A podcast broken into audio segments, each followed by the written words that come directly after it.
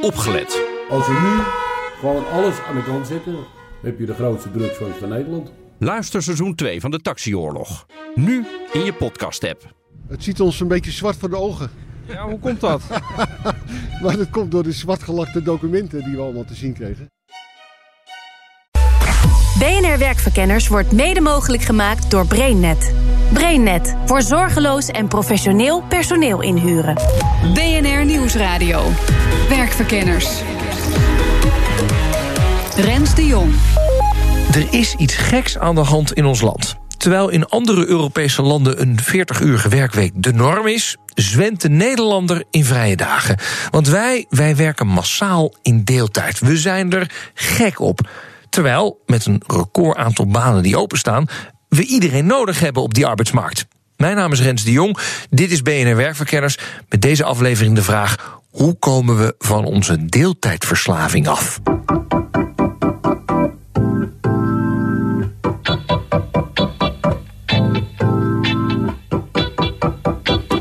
40 uur in de week werken. Dacht het niet, hè? 24, hooguit 32. Lekker ontspannen, niet te veel werken. Een goede work-life balance noemen we dat. Nee, de Nederlander heeft liever een dagje vrij door de week. Maar hoe komt dat toch? Laten we even kijken naar de feiten. Om die te achterhalen dook collega Frank Kromer... met SCP-onderzoeker Wil Portegijs in de cijfers. En die cijfers, die liegen er niet om. Het statistiekbureau Eurostat heeft berekend dat bijna de helft van de werkende mensen in ons land een deeltijdbaan heeft. Zo'n 49,8 procent. En het CBS komt uit op zo'n 4,2 miljoen deeltijdwerkers tegenover 4,4 miljoen fulltimers. Tijd om te bellen met het Sociaal Cultureel Planbureau. Want hoe komen wij als Nederland zijnde aan zulke statistieken? Oftewel, wanneer is het zaadje geplant voor Nederland deeltijdland? Met Wil. Hoi. Nou, de eerste deeltijdbanen zijn gecreëerd door werkgevers. Zo rond 1960, eind jaren 50. Ze hadden behoefte aan arbeidskrachten. Er waren speciale type werk waarvan ze dachten dat vooral vrouwen dat konden. En er waren te weinig jonge ongetrouwde vrouwen om dat te doen. Dus die gingen uh, adverteren om ook uh, moeders gehuwde vrouwen uh, binnen te krijgen. En er stonden op uh, grote trams in Amsterdam reden rond met slogans van... kom werk bij Verkade en neem je moeder mee. En dat bleek, dat bleek een succes. Veel vrouwen reageerden. En, uh, en voor die vrouwen, die moeders dan, hadden ze dus speciale deeltijdbanen gecreëerd... zodat hun primaire taak, het huishouden en het moederschap... niet in het geding kwam. Dus eigenlijk begon een beetje jaren uh, 50, 60. Is ja. het toen als een soort olievlek over Nederland heen gespreid? Nou, langzamerhand. De, de arbeidsparticipatie van uh, gehuwde vrouwen is, was toen heel laag. Ik geloof 7% van de gehuwde vrouwen werkte toen in 1960. En dat is omhoog gegaan langzamerhand, langzamerhand. En uh, vanaf ergens de jaren negentig is ook uh, de, de overheid mee gaan helpen. Die hebben uh, de wet tegen discriminatie op grond van arbeidsduur. Voorheen was het, lang was het nog zo dat, dat deeltijders die minder dan zoveel procent van een vo volledige baan werkten, geen recht hadden op nou, BW, uh, uh, geen pensioen opbouwden, dat soort dingen. Dus die hadden andere rechten, minder rechten. En dat werd allemaal gelijk getrokken. En we hebben de wet aanpassing arbeidsduur gekregen um, in 2000. Waardoor dus, wat dus regelde dat werknemers altijd hun werkgever mogen verzoeken om minder uur of meer uur te gaan werken. En de werkgever mag dat feitelijk alleen maar weigeren als, het, als hij aan kan tonen dat het echt niet, dat het bedrijfsbelang daarmee in het geding is. Als je naar de cijfers kijkt, hè, ik heb even wat cijfers van Eurostat erbij gehaald, het blijkt dat bijna de helft van de werkende mensen in ons land in deeltijd werkt. Ja, en van de vrouwen driekwart.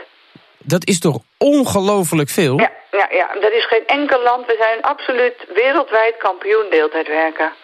Hoe kan dat? Ja, dat is dus, je kiest als, als samenleving, kies je een bepaalde uh, vorm. En, en, en de, de, dit is de vorm die wij als land gekozen hebben voor het combineren van werk en zorg. Zweden, Scandinavische landen zijn al ja, in de jaren dertig hebben ze gekozen voor enorm goede kinderopvang en prima verlofregelingen voor, voor ouders van jonge kinderen. En dat is daar ingesleten. En daar kijken ze met verbazing naar ons land. En wij kijken met verbazing naar Zweden, waar, waar ouders, eh, kinderen vanaf eh, anderhalf gaan die gewoon vijf dagen in de week naar de crash. Dus zoiets slijt in. Uh, wij hebben onze ideeën over de zorg voor kinderen nooit aangepast, nooit hoeven aanpassen door deeltijd. Dus wij denken nog steeds dat, dat kinderen eigenlijk het beste af zijn bij vader en moeder thuis. Ja, we vinden opvang een beetje vies in Nederland, hè? Ja, daar zijn we niet zo. Uh, daar zijn veel mensen toch huiverig voor. En, als ze al, uh, en, uh, en we vinden bijna allemaal wel dat als je het doet, dat, dat dan drie dagen toch wel de max is zo'n beetje. Dus ja, daar zit dat hele deeltijd al in. Maar je ziet het ook bijvoorbeeld bij werkgevers. Die zijn dus eerst schoorvoetend en akkoord gegaan met deeltijdwerken. Maar langzamerhand is dat ook voor hun iets wat, wat heel gewoon is waar ze mee werken. En soms ook waar ze wat ze zo hebben, waar ze ook voordelen van zien. Dus bijvoorbeeld in de detailhandel zie je dat, dat, dat ze gewoon die lange dag dat de, dat de zaak open moet zijn, hebben verdeeld in twee diensten. En daar kan je dan bijvoorbeeld niet eens meer acht uur per dag werken. Ja, we zijn dus kampioen deeltijd werken. Maar is dat eigenlijk wel een probleem? Ik vraag het aan Reinier Kastelein, voorzitter van vakbond De Unie. We doen het in dit land hartstikke goed. Volgens mij voeren wij allerlei lijstjes aan. Uh, als het gaat om uh, economische voorspoed, welvaart. En uh, volgens mij hebben we ook de gelukkigste kinderen van de wereld. Dus voor mij doen wij het hartstikke goed in dit land. Deeltijd werken is hartstikke goed voor Nederland. En voor de Nederlandse werkers, zeg je eigenlijk. Ik denk dat wij als samenleving een, eh, een prachtig land hebben ingericht... waar heel veel mensen hun geluk kunnen vinden. En uh, wat ik net zeg, we hebben de gelukkigste kinderen van de wereld. Ik denk dat een heel groot deel van het geluk voor scholen zit in een, een stukje deeltijd. Eigenlijk gooien we nu heel veel ja, arbeidspotentieel weg. Ik ben Barbara Baarsma. Uh, ik ben uh, directeur kennisontwikkeling bij de Rabobank. Daarnaast hoogleraar toegepaste economie aan de Universiteit van Amsterdam en kroonlid bij de CER. En als je kijkt dat we in een vergrijzende samenleving wonen, we hebben de AOW-leeftijd verhoogd en gekoppeld aan de levensverwachting. We hebben echt nodig om dat arbeidspotentieel nu op een andere manier te vergroten. En als al die vrouwen die in deeltijd werken, nou eens vier uurtjes, hè, dagdeel meer gaan werken, dat zou op macroniveau al zoveel uitmaken. En die handjes gaan we keihard nodig hebben hoor, in een vergrijzende economie. Dus op goed moment zullen we wel moeten. Economen kijken er op een andere manier naar. Die zeggen onder andere, als je kijkt naar het aantal vacatures in Nederland... dat loopt naar recordhoogtes op. Ik geloof dat ze bijna 300.000 mensen missen. Die, moeten, die vacatures moeten ingevuld worden. Eh, als dat niet snel gekeerd wordt, dan gaan we toch weer in een economische downturn terechtkomen. Want die bedrijven kunnen hun productie gewoon niet draaien... omdat ze de mensen niet hebben. Oplossing, zorg ervoor dat Nederland van zijn deeltijdziekte afkomt? Nou, ik, ik snap natuurlijk dat economen dat, dat enorme arbeidspotentieel wel zien in het aantal mensen dat eh, gewoon nog wat toe kan voegen aan een percentage. Het grappige is dat het percentage wel iets is. Hè. We hebben dan ergens met elkaar gezegd dat het dan 36 of 40 uur dat dat dan fulltime is. Maar als we dat dan allemaal invullen, waar ligt dan de volgende grens? Moeten we dan allemaal naar 50 uur? Dus uiteindelijk is alles wat die economen roepen waar... op basis van een model wat we hanteren. En dat is die 40 mhm. werkweek. Maar als je het model hanteert dat we ook uh, ruimte moeten maken... voor een stukje welzijn in plaats van alleen maar economische welvaart... dan denk ik dat de ruimte die je creëert door ook deeltijd te werken... heel veel ruimte biedt aan andere facetten die je als mens te bieden hebt... dan alleen maar het werker zijn of werknemer zijn. Maar goed, aan de andere kant, als de economie daardoor gaat krimpen... dan kunnen wij wel heel gezellig met onze welvaart onze kinderen van school halen. Maar als de economie daardoor steeds minder wordt... omdat er steeds minder mensen zijn om productief te zijn...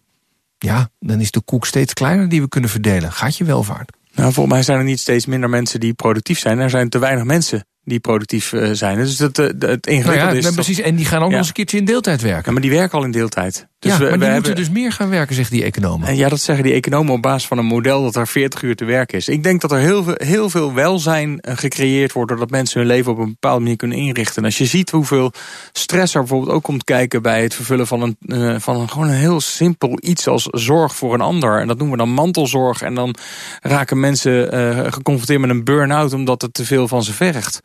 Dat betekent dat wij ergens een of ander economisch model hanteren om ons leven in te richten. Terwijl het over hele andere dingen zou kunnen gaan dan alleen maar dat economische model. Dat heb ik eerder natuurlijk aangegeven in mijn boek Welzijn is de nieuwe welvaart. Ik denk dat wij veel meer voor die zachte kanten moeten gaan staan. En die misschien wel als harde kanten moeten gaan uitleggen. Mhm. Het is veel mooier om ook te kunnen zeggen dat je vader bent van een paar leuke kinderen. Dat je vrijwilliger bent op een voetbalvereniging. Dat je mantelzorg verleent voor je ouders. Dat je ook nog een, een liefhebbende buur bent voor iemand die uh, misschien wat eenzamer is in het leven. En dat zijn hele mooie dingen die we in deze economische discussie, waarbij ik de feitelijkheden absoluut niet ontken, um, uh, wel overslaan.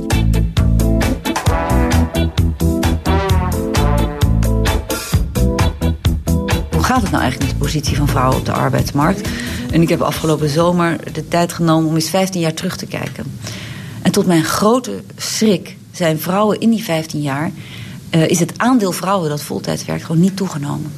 Um, en met name uh, korter en, en, middelbaar opgeleide vrouwen zijn, uh, zijn zelfs minder voltijds gaan werken. vrouwen die, die, die hoger zijn opgeleid, nou, om en nabij hetzelfde. Maar je ziet niet die grote toename van voltijds werkende vrouwen... die je, zou ik denken, na een debat... wat we toch de afgelopen 15 jaar hebben gevoerd al over deeltijdwerken... zo nieuw is dit onderwerp niet dat je dat zou zien toenemen. Maar die norm is kennelijk zo ongelooflijk cultureel in beton gegoten in onze samenleving... dat het vergt, uh, het vergt misschien nog wel 15 jaar debat. Um, er is ook wel een groot verschil tussen mannen die deeltijd werken en vrouwen die deeltijd werken. Ja, als je, vrouwen werken veel meer deeltijd dan mannen. Er zijn mensen die dat een probleem vinden. Wat vindt Reinier Kastelein? Nou, ik denk dat mensen het vooral zelf moeten uitvinden. En um, ik denk dat als vrouwen ervoor kiezen om minder te werken dan hun partner of hun echtgenoot, dan is dat een keuze. Ik snap ook wel dat veel van die keuzes misschien ook wel ontstaan doordat er uh, ook gewoon een financiële drive is, hè, dat mannen meer verdienen. Maar het is niet zo dat mannen meer verdienen omdat ze meer verdienen. Ze zijn ook gewoon omdat we ook gewoon keuzes maken met elkaar, waarbij vrouwen ook gewoon heel vaak gewoon toch zelf autonoom kiezen voor een beroep waar per definitie wat minder betaald wordt. Dat is natuurlijk ook gewoon een trend die we uh, niet moeten ontkennen. Het wordt allemaal maar zo in die verwijtende sfeer neergezet. Ik denk, ik denk dat we mensen heel erg autonoom kunnen laten handelen. Het is natuurlijk in bepaald opzicht ook een teken van luxe dat je deeltijd kan werken. Um, alleen, en dit is denk ik wel een heel belangrijk punt, dat veel vrouwen die deeltijd werken zich niet de risico's daarvan realiseren. En dat is wel uh, iets ja, dat bewustzijn uh, van wat betekent dit voor mijn financiële zelfredzaamheid dat ik in deeltijd werk, dat is wel een punt dat, uh, dat we met elkaar echt breder moeten bespreken. BNR Nieuwsradio. BNR Werkverkenners. In Nederland zijn we wereldkampioen deeltijd werken. Vooral voor vrouwen is een 40-urige werkweek niet erg gebruikelijk. En daar kleven allerlei nadelen aan. Volgens econoom Barbara Baarsma is het niet alleen het macro-economische plaatje dat er slechter uitziet door al de deeltijd werken. Het is vooral de zelfredzaamheid van vrouwen die haar zorgen baart. Lager, of tegenwoordig zeg ik liever kort opgeleide uh, uh, vrouwen, maar ook wel middelbaar opgeleide vrouwen. Um, die kunnen bijvoorbeeld uh, als hun partner wegvalt na scheiding of overlijden, of de partner werkloos wordt, uh, niet zelf meer rondkomen van vaak toch een kleine deeltijdbaan. En dat betekent dat ze uh, ja, naar elders moeten om bijvoorbeeld afhankelijk zijn van sociale zekerheid, sociale zekerheid daarvan afhankelijk worden. Um, en ze hebben vaak, laten we even een scheiding nemen. De kans daarop is toch erg hoog in Nederland. Gemiddeld 40% van de huwelijken, eerste huwelijken strandt in een scheiding. Het um, koopkrachtverlies van vrouwen daarna is uh, meer dan een kwart. Voor mannen 0,2% of zo. Echt, echt verwaarloosbaar. Uh, en het is dus ongelooflijk belangrijk dat je met name die vrouwen aan de, laten we zeggen, onderkant van de inkomensverdeling uh, ervan bewust maakt dat een deeltijdbaan, een kleine deeltijdbaan, een enorm risico oplevert uh, voor onverwachte uh, gebeurtenissen in je leven. En de beste verzekering is dan niet onze sociale zekerheid of het rekenen op alimentatie van een meerverdienende ex-partner, maar is zelf aan het werk gaan. Zelf een net wat grotere of een grotere deeltijdbaan, of liefst zelfs nog voltijds werken. Ehm, we hebben het in, het in het publiek debat steeds over uh, deeltijd werken en topposities voor vrouwen aan de top. Dat is ook interessant. Maar ik vind het probleem is eigenlijk veel schrijnender en, uh, aan de onderkant. En daar hebben we het eigenlijk nauwelijks over. Maar grosso modo denk ik dat wij in dit land het gewoon hartstikke goed doen. Ook in de verhoudingen tussen mannen en vrouwen. Um, mm. Wij zijn niet zo anglo-saxisch zoals het in Amerika of misschien in Groot-Brittannië plaatsvindt. De schellen vallen van mijn oren uh, als ik jou zo hoor. Als, als, als vakbondsman. Als je kijkt naar het aantal vrouwen dat economisch zelfstandig is is dat schrikbarend laag. 30% geloof ik uit mijn hoofd is economisch zelfstandig. Dus als, er niet, eh, als ze niet als koppel zouden zijn, als de man niet het geld, uh, meer geld zou verdienen, zouden ze gewoon niet kunnen rondkomen. 30% van de vrouwen heeft maar een zelfstandig economisch bestaan. En dan hoor ik hier een vakbondsman zeggen... nou ja, is toch eigen keuze van mannen en vrouwen... hoeven we niet zo in te mingelen. Terwijl ik denk, ik dacht dat jullie er waren voor de emancipatie van de arbeider... maar dat op een of andere manier is dat weg. Nou, de emancipatie van de arbeider maakt juist dat heel veel mensen... ook gewoon zelf hun keuzes kunnen maken. En dat daar onverstandige keuzes bij zitten, dat bestrijd ik niet. En dat betekent dus dat je ook gewoon mensen misschien wat meer moet voorhouden...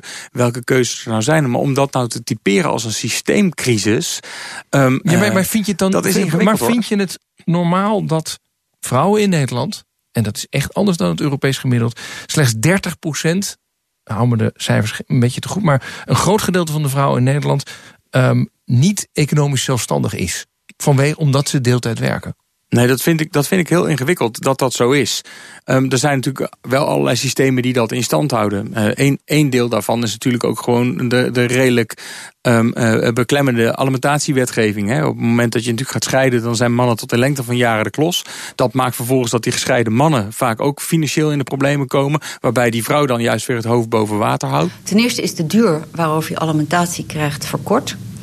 Um, en is er heel erg vaak heel erg veel gedoe over alimentatie.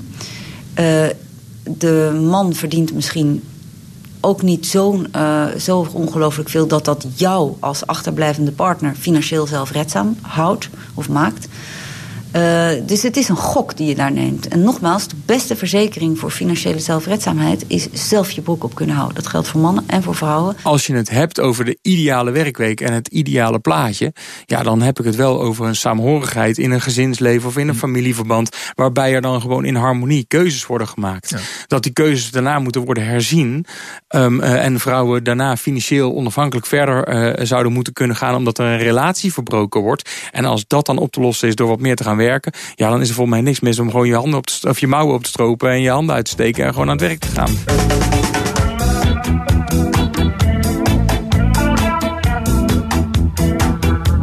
Nou, die gevaren zijn wel duidelijk, hè? Maar ja, hoe gaan we er dan voor zorgen dat meer mensen voltijd gaan werken? Hoe kunnen we die cultuur van deeltijd doorbreken? Willen we hier wat aan doen, dan moet je dan is er niet één route die daarnaar gaat leiden. Maar ik ben econoom, dus vergeef me. Uh, ik denk ook uh, uh, dat je de prikkels op, sterk, op scherp moet zetten.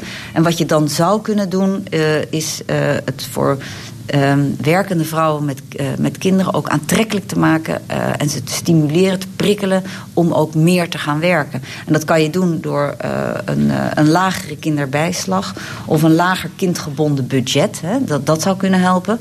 Je kan het ook belonen, hè. dus dan geef je een hogere inkomensafhankelijke combinatiekorting of een hogere kinderopvangtoeslag. Maar je kan de prikkels op scherp zetten, dat helpt. Hè. Dus dan loont het om te werken als je kinderen hebt. of je wordt gestraft als je niet werkt als je kinderen hebt. Het is maar net hoe je, hoe je het wil aanvliegen.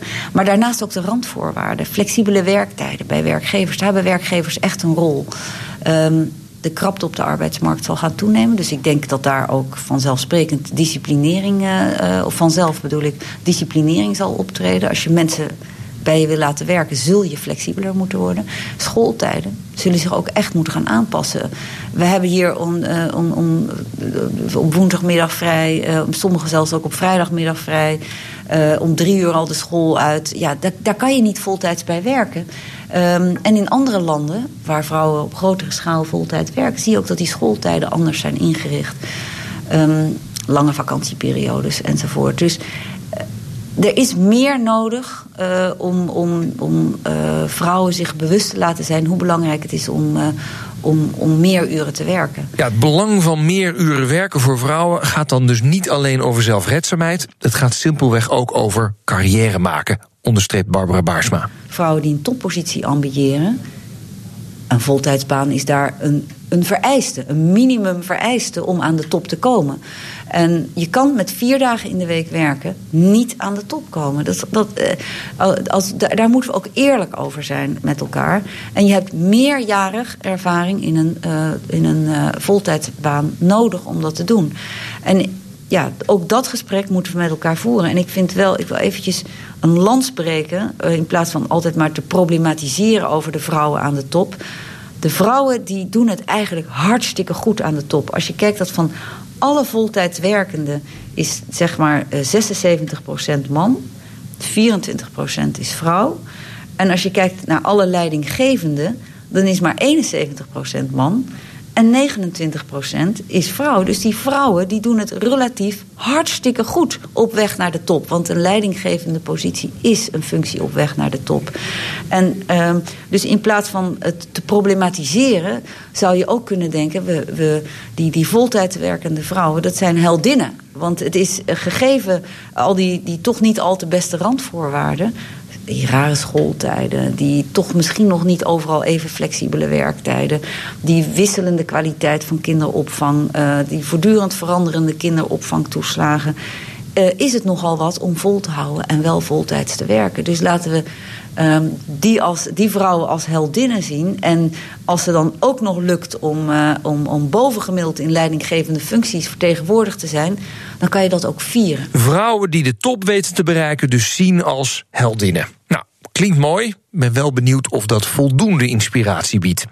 En welke oplossingen ziet vakbondsman Renier Kastelein eigenlijk voor onze deeltijdverslaving? Uiteraard kunnen we hier en daar kijken of dingen efficiënter kunnen. Um, uh, we zouden misschien ook wel eens wat meer tijd kunnen uh, besteden aan het planologisch inrichten van onze economie. En wat banen verspreiden over Nederland. Dat maakt ook dat de cijfers misschien wat anders zouden kunnen worden. Uh, doordat je gewoon ook werkgelegenheid creëert op plekken waar nu gewoon te weinig werk is. Dat maakt het percentage deeltijders denk ik al heel snel wat anders. Want we hebben het over de ideale werkweek. Maar ik denk dat je het eigenlijk moet hebben over de ideale week. En in die ideale week zijn echt nog wel mensen die wat meer willen werken. Dat is helemaal waar. Maar die kunnen dat werk bijna niet bereiken. Omdat ze dan allemaal naar de Randstad moeten. En ondertussen misschien wel gewoon ergens in de Achterhoek of in Groningen of in Limburg wonen. Dus werk kunnen we wel op een andere manier verdelen. Als ik het echt heb over de geografische allocatie van het werk. Mm -hmm. Dan kan er wel wat stijgen. Maar aan zich om nou de druk te gaan leggen bij uh, ook, ook die, die agenda dat vrouwen allemaal per se 100% moeten werken het kan niet van twee één zijn. Dat vrouwen en gelijkgeschakeld moeten zijn aan mannen. En dus net zo mondig en net zo uh, voor zichzelf kunnen opkomen. Allemaal dat, dat soort termen. En daarna die vrouwen allemaal verplicht om 100% te gaan werken en 40 uur te gaan draaien. Laat die vrouwen dat lekker zelf uitzoeken. En dan denk ik dat heel veel vrouwen dat ook gewoon niet willen. Overigens zijn er ook steeds meer mannen die gewoon zeggen... ik neem één dag in de week vrij en dat noemen we dan een papadag. Vind ik ook iets heel raars, want de rest van de week ben je ook gewoon papa. Maar je neemt gewoon even wat meer tijd om die andere identiteit die je hebt in te vullen. Je bent niet alleen maar werknemer of ondernemer. Ja. Je hebt gewoon heel veel andere identiteiten. Er moet gewoon ruimte voor zijn. En dat doen wij in Nederland heel goed. Als jij daar een ideaal plaatje zou moeten schetsen... en ik weet dat het allemaal individueel is natuurlijk... maar even kijken de beweging waar je heen wil. Wat zou dat dan zijn? Dan denk ik dat een driedaagse werkweek uh, in de zin van betaalde arbeid zoals wij dat nu definiëren, dat zou een ideale zijn. Als je dan op dag vier dat vrijwilligerswerk uh, zou kunnen verrichten. We kunnen ook gewoon zeggen, als we dat vrijwilligerswerk gewoon gaan betalen, dan heb je inmiddels een vierdaagse werkweek. Dus het is maar net hoe we dat typeren. Maar ik denk dat, er, dat het goed is voor mensen om uh, in die zeven dagen die je in de week hebt... in ieder geval net iets minder dan die vijf dagen... bij één werkgever op één plek uh, te vertoeven. Mm -hmm. um, overigens zie je natuurlijk in de jongere generatie... dat steeds vaker gebeuren. Mensen die gewoon een stukje werknemerschap combineren... met een stukje ZZP'er. Um, de mensen die hele andere wegen bewandelen. Overigens gewoon op een iets latere leeftijd... in de wereld van huisje, boompje, beestje terechtkomen... en dan ook gewoon in, in dat keurslijf terechtkomen. Dat is wel een beetje cultureel bepaald, denk ik. Het schuift alleen in de tijd wat op. Ja. En, maar als we allemaal drie dagen in de week gaan werken... ben je niet bang dat de economie dan echt stil komt te vallen? Nou, het is de, de, de, um, de vraag nog maar of we al heel veel meer werken. Hè? Want als je het aantal vakantiedagen, het aantal dagen ouderschapsverlof, het aantal dagen calamiteitenverlof en weet ik veel wat voor een zaken nog allemaal bij elkaar optelt, dan komen we al niet eens zo heel gek meer boven die, uh, boven die 30 uur uit. Hij is alleen verkeerd verdeeld. Er is natuurlijk gewoon ruim een miljoen mensen in Nederland die niet meewerken in dat proces. En ondertussen zijn er een aantal mensen die gewoon tegen de randen van hun kunnen aanlopen en min of meer overwerkt raken. Mm -hmm. Omdat dat ze ook nogal die privétaken moeten combineren. Maar aan de andere kant, je zegt als we drie dagen in de week gaan werken... we hebben tekorten in de zorg, we hebben tekorten in het onderwijs... Maar die tekorten in de zorg, die zouden er misschien veel minder zijn... als mensen veel meer tijd hadden om gewoon die zorg voor hun eigen naasten te verlenen. En dan heb ik het niet over de zware zorg, want het is altijd heel makkelijk om dit dan af te doen van... ja, maar dat kan niet, want het is fysiek onmogelijk. Maar er is ook heel veel zorg wat verleend wordt door mensen die net zo goed zouden kunnen worden vervangen voor een liefhebbend familielid. Mm. Waarbij alle familievetes en alle familieruzies in dit land ook allemaal een keer in, uh, in de aandacht moeten komen. Vind ik allemaal prima. Maar in de basis is het natuurlijk heel erg bijzonder dat je dus ergens met elkaar samenleeft en uiteindelijk de zorg voor die liefhebbende uh, uh, ouders die je ooit gehad hebt dan een keer uitbesteedt aan een ander en vervolgens klaagt dat daar te weinig handjes aan het bed zijn, terwijl je zelf vijf dagen aan het werk bent. Ja. Dan zou je kunnen zeggen, alle familievetes vergetend, ga dan zelf een keer langs bij je moeder en werk een dag minder.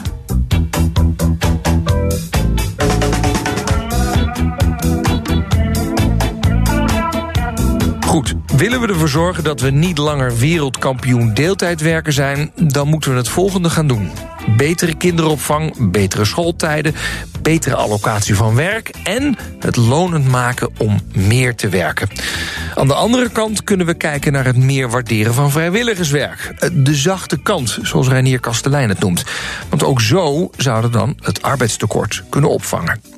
Over arbeidstekort bij werkverkenners hoef je niet bang te zijn. Volgende week zijn we er namelijk gewoon weer.